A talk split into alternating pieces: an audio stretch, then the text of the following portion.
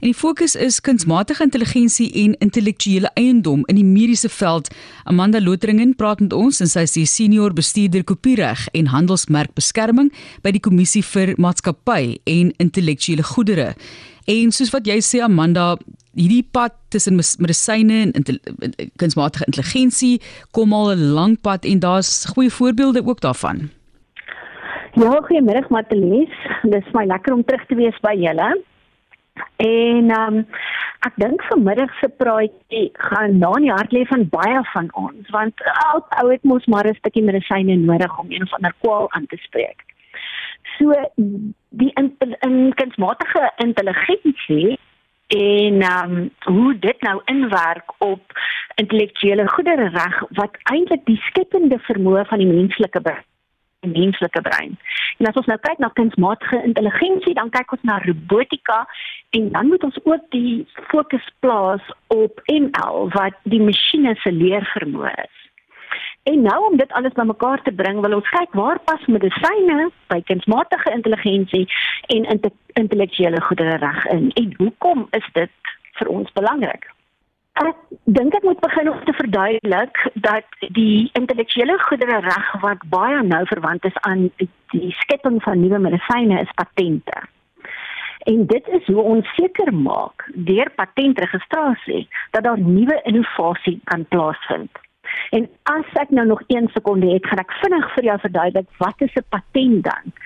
En hoekom sit die regering wetgewing in plek sodat die uitvinder of die begunstigde van hierdie nuwe resep vir medisyne, omdat ons nou oor medisyne praat, hoe kan hy hierdie resep van hom beskerm en hy beskerm dit deur 'n patent te registreer? So ons Goed. het nou um die die patent wat geregistreer kan word en hoekom doen ons dit sodat hierdie navorsings weer nuwe geld kan sit in die navorsing. Maar wanneer ons nou praat oor kunsmatige intelligensie, hulle is is natuurlik masjiene wat die uitvindings maak. So hulle kan nie patente gaan registreer nie. Hulle kan nie daai ehm um, innovasie bring en dit dan beskerm kry nie. En daar was al 'n paar van hierdie ehm um, nuwe uitvindings wat gesê het wel ons gaan 'n patent registreer en dit die patent is geskep deur kunsmatige intelligensie. En nêrens in die wêreld het enige van die ehm um, intellektuele goedere regkantore al toegelaat dat sulke patente geregistreer word nie, want die basis van ons wetgewing omgewing is dat dit 'n menslike uitvinding moet wees. So dis 'n baie interessante veld ons kan lank daaroor gesels. Kom ons praat dan nou oor daardie voorbeelde en maniere waarop kunsmatige intelligensie medisyne is en sal aanhou beïnvloed en ons praat van persoonlike medisyne, die diagnose en mediese beeldvorming. Kyk, hier's baie dinge hierso wat nou nogal baie tegnies is, maar jy kan vir ons dit deurvat en dalk 'n paar voorbeelde gee soos wat jy deur dit loop. Okay, so ek het nou so 'n bietjie gesels oor hoekom ons patente registreer en hoekom dit belangrik is dat ons sulke wetgewing in plek het. Maar kom ons kyk nou na buite hierdie beskermingsmeganisme van patente. Want kunsmatige intelligensie het alreeds 'n groot invloed op medisyne. En soos jy nou genoem het Martelies, nuwe medisyne ontdekking en ontwikkeling, dit is tog vreeslik belangrik sodat as ons nuwe kwale het, ons nuwe medisyne het wat dit kan aanspreek. En KI word gebruik om groot hoeveelhede biologiese data te ontleed. En so kry ons dan potensiële nuwe generasie genesings met elemente wat baie meer doeltreffend is. Die KI identifiseer hierdie elemente baie vinniger as wat ons in die verlede dit kon doen deur 'n span bioloë wat daarop werk of of um, aptekers byvoorbeeld.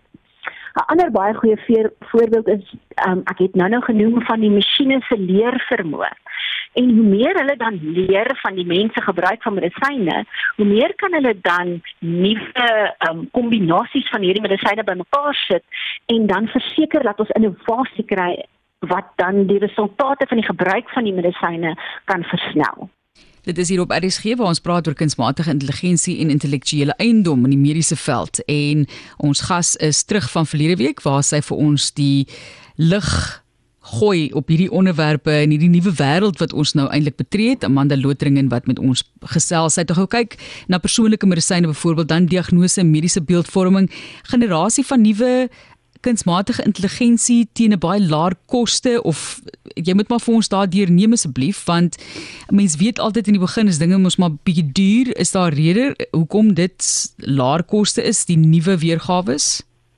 Definitief Martries. Wanneer ons nou al hierdie data in hierdie masjiene invoer, het jy kan daar baie vinniger analises gemaak word en tyd is geld. So dit vat navorsingsspanne jare en jare om toetse te doen en resultate te analiseer. Terwyl jy wanneer jy hierdie toetse in jou kunsmatige intelligensie um, robotika invoer, dan kry jy baie vinniger resultate. Um, ons het nou al gesien hoe vinnig kan jy 'n antwoord kry as jy 'n rekenaar 'n ding vra. En wat dan nou ook verder vir ons voordeel strek is dat hierdie bestaande middels wat hulle dan identifiseer kan ook anders aangewend word.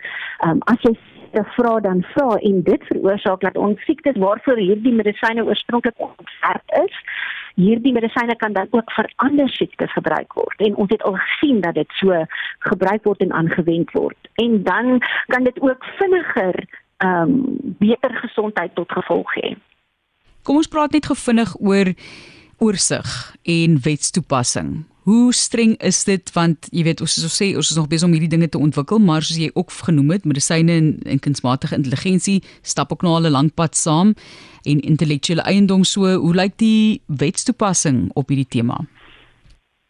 Ek dink ons kan ook baie voordeel trek um, van 'n wetstoepassings en moniteringsaspek, veral um, van SAPRA wat ons South African Health Regulatory um, body is. En hulle daar is 'n klomp KI data wat ons dan kan gebruik en elektroniese gesondheidsrekords en ook op sosiale media waar hierdie inligting dan ook gedeel word.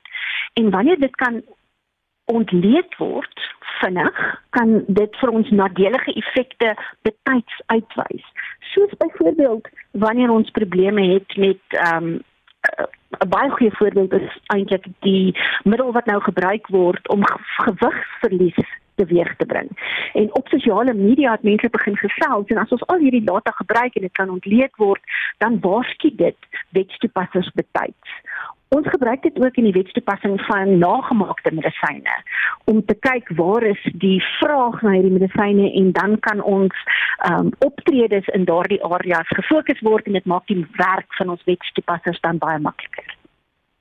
Is ingeskakel by 360 en ja, so ons is in 'n nuwe veld in terme van medisyne dalk nou 'n bietjie al verwyle met ons en ons hoor baie Amanda van robot chirurgie en dit maak mense maar ongemaklik as jy dink, "Ag, oh, waar is die waar is die dokter wat hier sy werk moet doen?" Maar dit is natuurlik met oorsig deur 'n dokter, maar jy sê jou gunsteling is robotchirurgie. Geen net vir ons idee hoe dit daarbey inpas op hierdie stadium kunsmatige intelligensie en hoe dit gebruik word in robot robotchirurgie.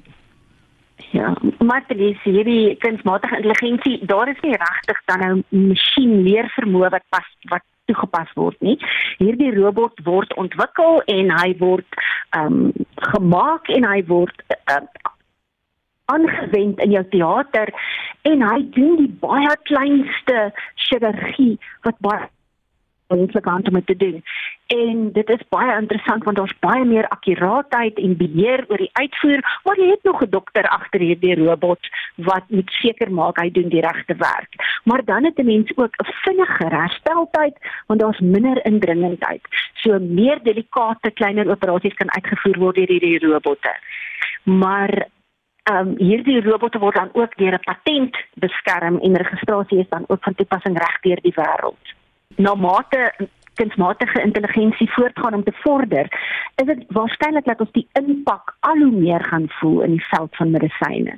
Dit sal lei tot meer doeltreffendheid, persoonlik op 'n persoonlike vlak en gesondheidsorg oplossings en dit beteken dan op die ou end dat ons goedkoper toegang tot medisyne sal hê. En dis dis 'n wen-wen vir die algemene publiek. So jy is nie as persoon te bekommerd dat kunsmatige intelligensie later aan dalk ek sê nou dalk ten volle die posisie van dokter of geneesheer sal oorneem. Dink jy ons gaan op daai punt kom op 'n stadium? Nee, wat Martelies, ek dink ons is nog baie ver van daai punt af. En selfs met die kunsmatige intelligensie waar die masjiene al begin aanleer ons gewoontes, het jy altyd 'n mens nodig om daai vraag te vra en seker te maak jy kry die regte antwoord waarna jy op soek is. Inderdaad, ja. Ons sal maar die saak dophou, né, maar ons is klaar daar soos jy sê, daar's klaar baie van hierdie tipe van tegnologie wat gebruik word vir verskillende redes en metodes en operasies uitvoer. Jo, ja, okay. Ek begin nou, ek dink nou aan voorbeelde, maar kom ons haal net eers diep asem. Volgende week gesels ons weer verder, maar Amanda baie dankie vir die insig vandag met medisyne en kunsmatige intelligensie, natuurlik intellektuele eiendom in die mediese veld. Baie dankie. Dankie Martelies. Dit dan Amanda Lotringen en sy is die senior bestuurder kopiereg en handelsmerkbeskerming by die kommissie vir maatskappy en intellektuele goedere. Interessante veld. Ons hou vir jou op hoogte net hier op RSG.